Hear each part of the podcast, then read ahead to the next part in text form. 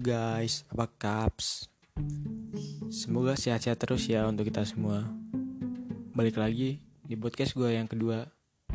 Kali ini gue masih ngebahas seputaran dengan dunia penyiaran. Khususnya tentang lembaga penyiaran di Indonesia dan jenis format acara televisi. Sebelum itu, marilah kita banyak berdoa untuk saudara-saudara kita yang sedang mengalami musibah. Di mana kita ketahui memang awal tahun ini berat untuk kita semua banyak saudara-saudara kita, kawan-kawan kita yang terkena musibah baik di Indonesia maupun di luar sana. Ya, langsung aja. Kali ini gue akan menjelaskan kaitan lembaga penyiaran di Indonesia yang kemudian dilanjut dengan materi jenis format acara televisi. Yang mana materi kali ini gue dapetin langsung dari dosen gue, Mas Fajar Junaidi, aka Mas Jun. Langsung ya guys, simak baik-baik. Lembaga penyiaran di Indonesia. Lembaga penyiaran adalah penyelenggara penyiaran yang dalam melaksanakan tugas, fungsi, dan tanggung jawabnya berpedoman pada peraturan perundang-undangan yang berlaku. Undang-undang yang dirujuk adalah Undang-Undang Nomor 32 Tahun 2002 tentang penyiaran. Jenis lembaga penyiaran. Lembaga penyiaran publik. Hakikat penyiaran publik adalah diakuinya supervisi dan evaluasi publik pada level yang signifikan Publik di sini dibaca sebagai warga negara.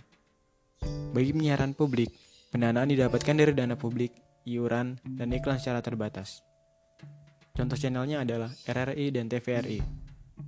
Format program acara ditujukan untuk memenuhi kebutuhan publik. Yang kedua, lembaga penyiaran swasta. Lembaga penyiaran yang menjalankan usaha penyiaran berdasarkan prinsip-prinsip komersial. Lembaga ini menjual usaha berupa waktu tayang untuk bisa dipasangi iklan. Iklan dan usaha yang sangat terkait dengan penyelenggara penyiaran. Iklan bisa dalam bentuk slot dan blocking time. Rata-rata biaya iklan per 30 detik juga bervariasi di jam-jamnya. Dengan nominal paling tinggi itu di antara pukul 17 sampai dengan pukul 21. Lembaga penyiaran komunitas. Lembaga penyiaran komunitas adalah suatu lembaga yang didirikan oleh komunitas tertentu yang menjalankan aktivitas penyiaran secara independen atau netral, daya pancar rendah, jangkauan wilayah yang terbatas, tidak komersial, serta melayani komunitas. Lembaga penyiaran komunitas tidak boleh komersil, yang penting penyiaran komunitas tidak boleh dimiliki atau berafiliasi dengan kelompok usaha yang mencari untung semata.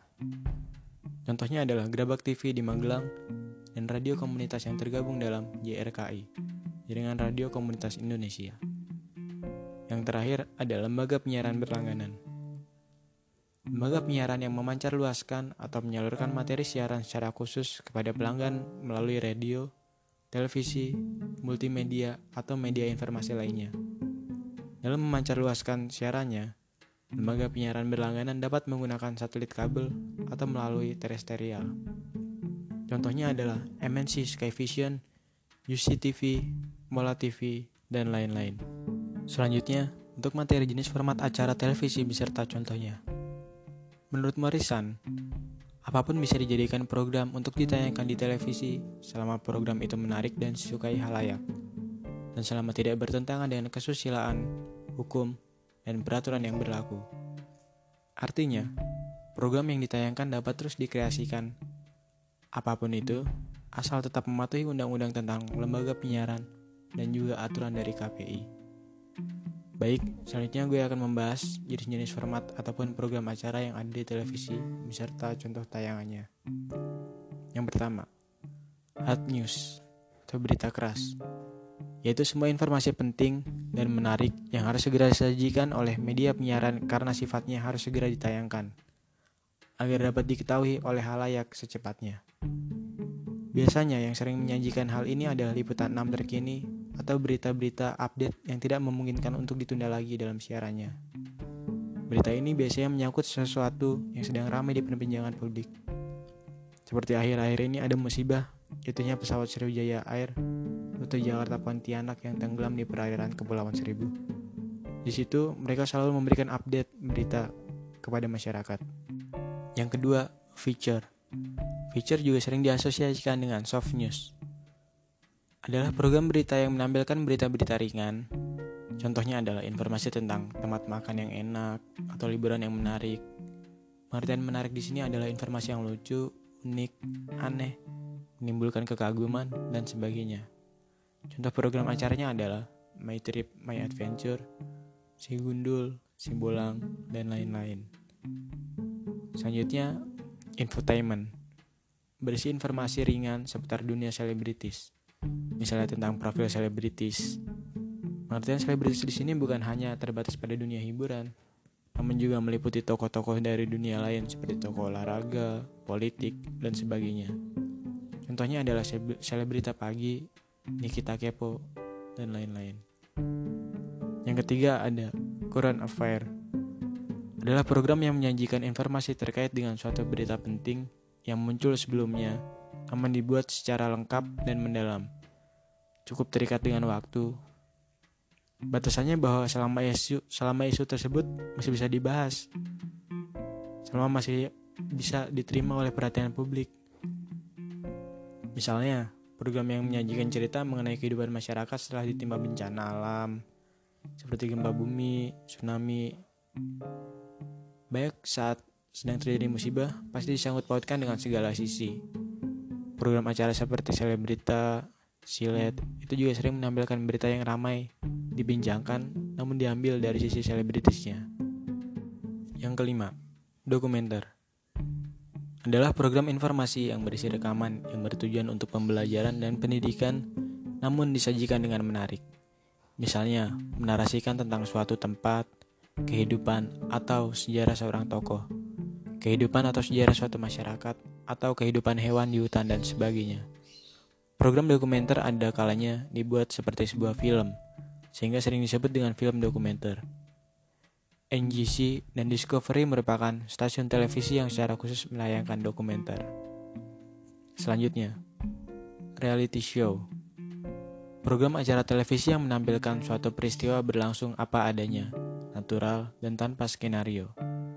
Namun bila melihat hari ini, sudah jarang kita dapati program ini, dan juga sudah kebanyakan telah diskenariokan oleh tim kreatif dari program ini.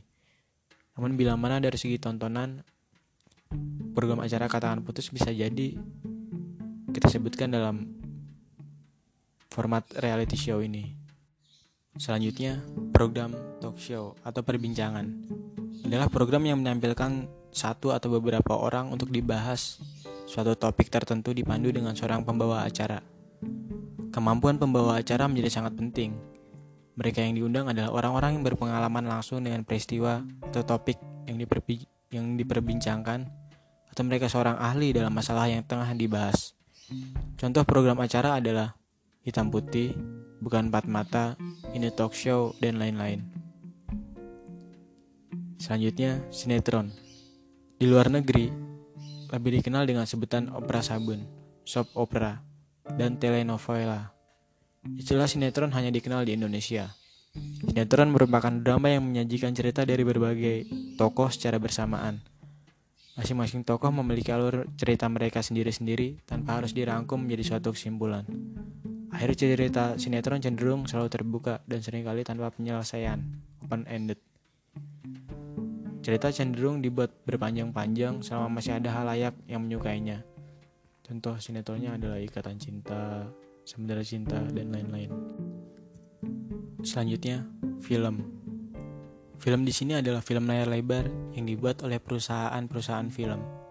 Karena tujuan pembuatannya adalah untuk layar lebar, maka biasanya film baru bisa ditayangkan di televisi setelah terlebih dahulu dipertunjukkan di bioskop. Televisi kabel berlangganan seperti HBO, Fox, dan sebagainya secara khusus menayangkan film. Selanjutnya, program acara game show, suatu bentuk atau program yang melibatkan sejumlah orang baik secara individu atau kelompok, yang saling bersaing untuk mendapatkan sesuatu. Menjawab pertanyaan dan atau memenangkan suatu bentuk permainan. Terdiri dari quiz show, permainan ketangkasan, dan kadang juga dikemas dengan pendekatan reality show. Contohnya adalah Benteng Takeshi yang dulu sangat ramai ditontonkan. Selanjutnya ada program acara musik Program musik dapat ditampilkan dalam dua format, yaitu video klip atau konser. Program musik ini dapat dilakukan di lapangan atau di dalam studio. Program musik di televisi ditentukan dengan kemampuan artis yang menarik halayak. Tidak saja dari kualitas suara, tapi juga berdasarkan bagaimana mengemas suatu karya mereka menjadi layak untuk dipertontonkan. Contoh acara musik seperti Dasyat, Inbox, dan lain-lain. Yang terakhir adalah format pertunjukan. Pertunjukan adalah program yang menampilkan kemampuan seseorang atau beberapa orang pada suatu lokasi, baik di studio ataupun di luar studio, dalam ruangan ataupun di luar ruangan. Jika mereka yang tampil para musisi, maka pertunjukan itu menjadi pertunjukan musik. Jika yang tampil juru masak, maka pertunjukan itu menjadi pertunjukan memasak. Contoh program acara adalah konser Agnes Mo, stand up comedy, dan lain-lain. Mungkin begitulah ringkasan tentang materi lembaga penyiaran yang ada di Indonesia dan jenis-jenis format acara atau program televisi. Semoga bisa nyangkut ya materi yang gue bawain kali ini. Sekian dan sampai jumpa di episode selanjutnya. Bye-bye.